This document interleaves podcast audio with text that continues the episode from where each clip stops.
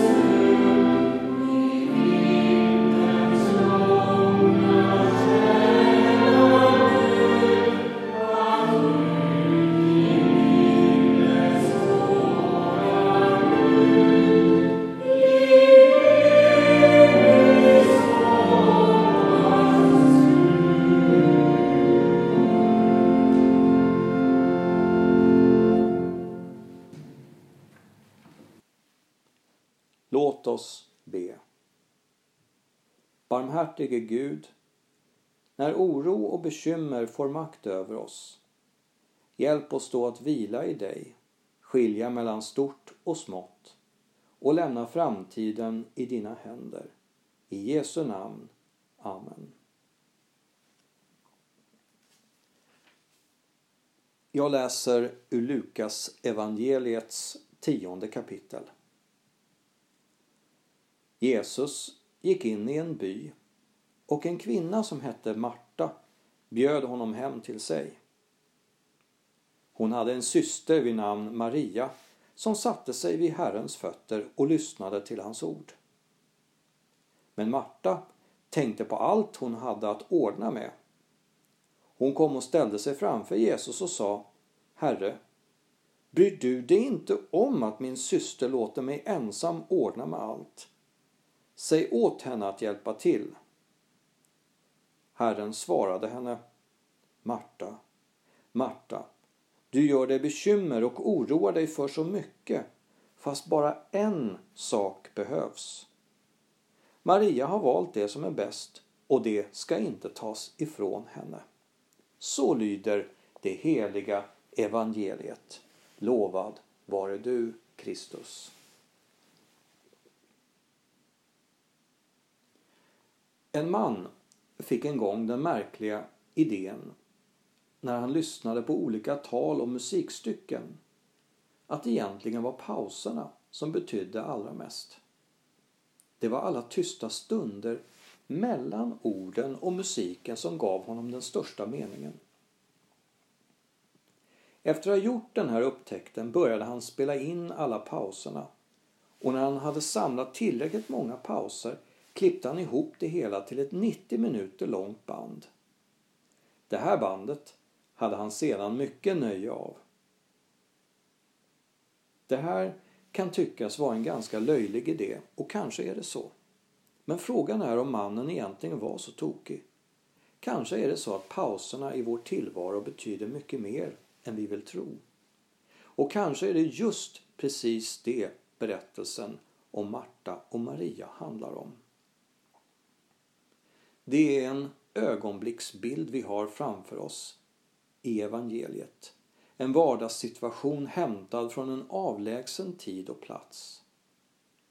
Men de två kvinnorna i den här bilden är mer än bara halvhistoriska och litterära figurer.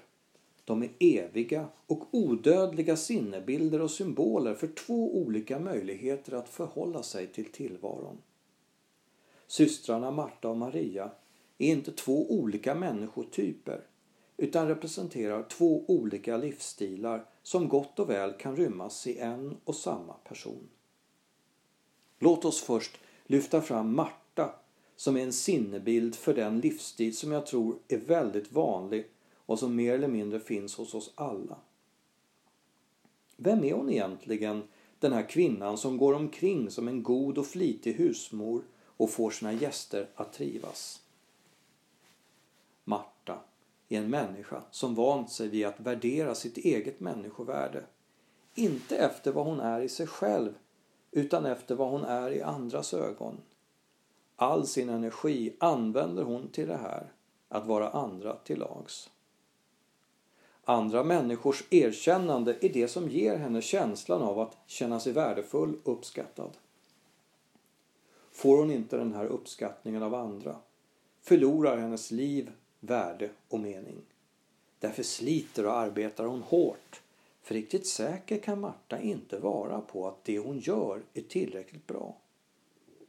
Och till slut hamnar hon i en ohälsosam och mardrömslik tävling med sig själv full av oro och bekymmer. Hela sitt liv och väsen har hon lagt i händerna på något som ligger utanför henne själv. Så här skulle vi kunna tolka Marta. Hon kan i så fall utvidgas och bli en sinnebild för alla slags Marta-komplex som finns i oss allihop, både män och kvinnor. För hur bedömer vi oss själva? Hur bedömer vi själva en annan människa? Är det inte just i allt det där som ligger utanför oss själva?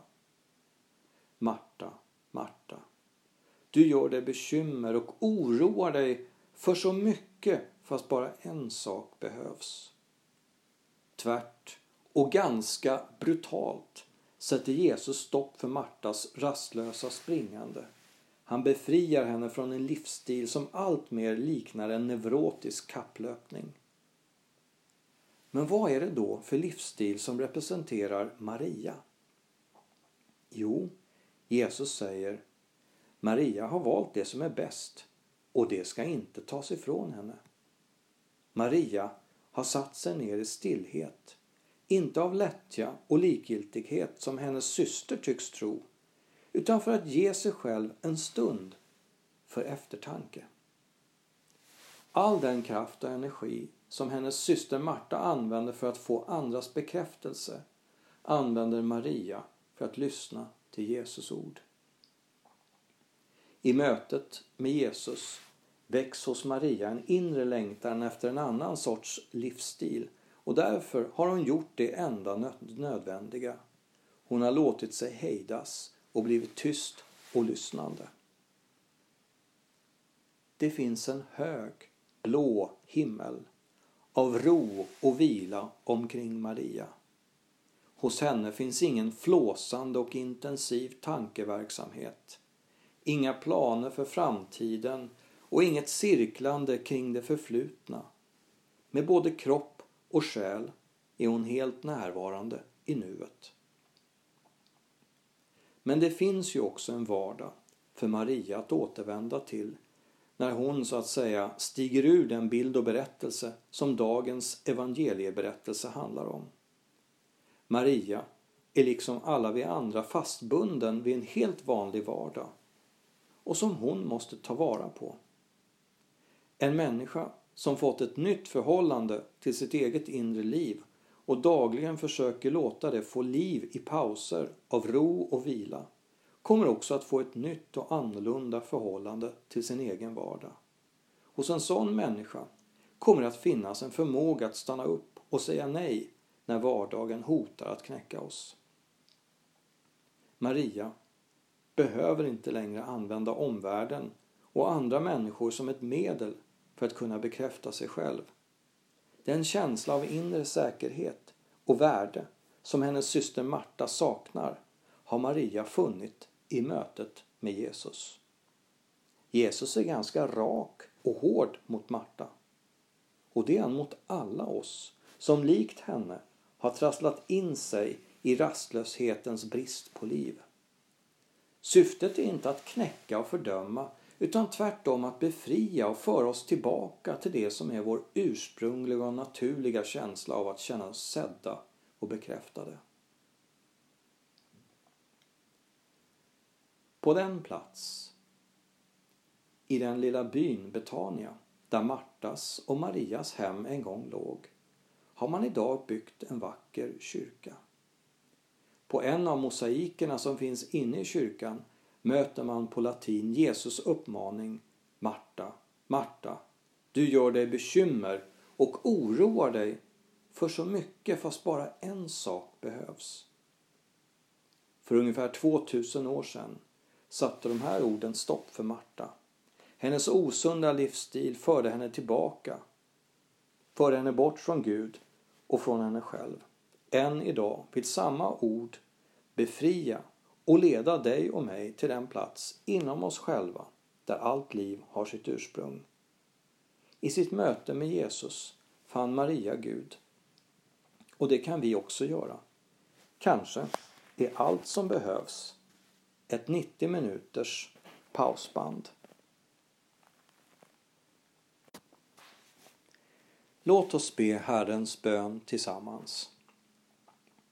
Fader vår som är i himmelen. Helgat var det ditt namn. Tillkommer ditt rike. Ske din vilja så som i himmelen så och på jorden.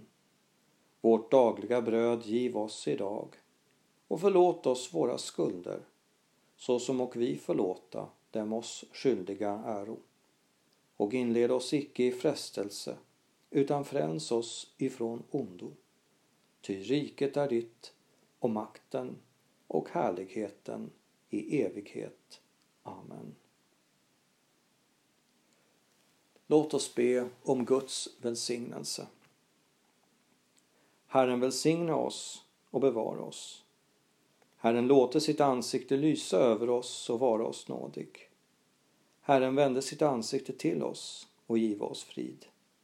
I Faderns och Sonens och den helige Andens namn. Amen.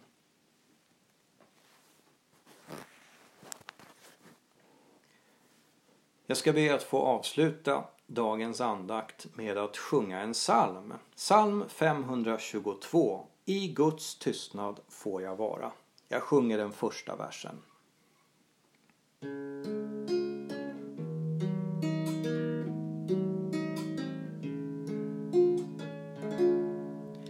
I Guds tystnad får jag vara ordlös, stilla, utan krav. Klara rymder, öppna dagar.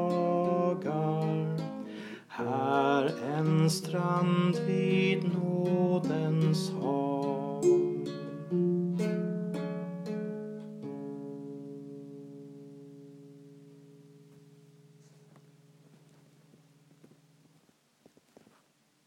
Du lyssnar på Radio Sydväst 88,9. Det här har varit en sändning från Brännkyrka församling. Bibeltexter ur Bibel 2000. Copyright Svenska Bibelsällskapet. Ansvarig utgivare Gustaf Frosteblad.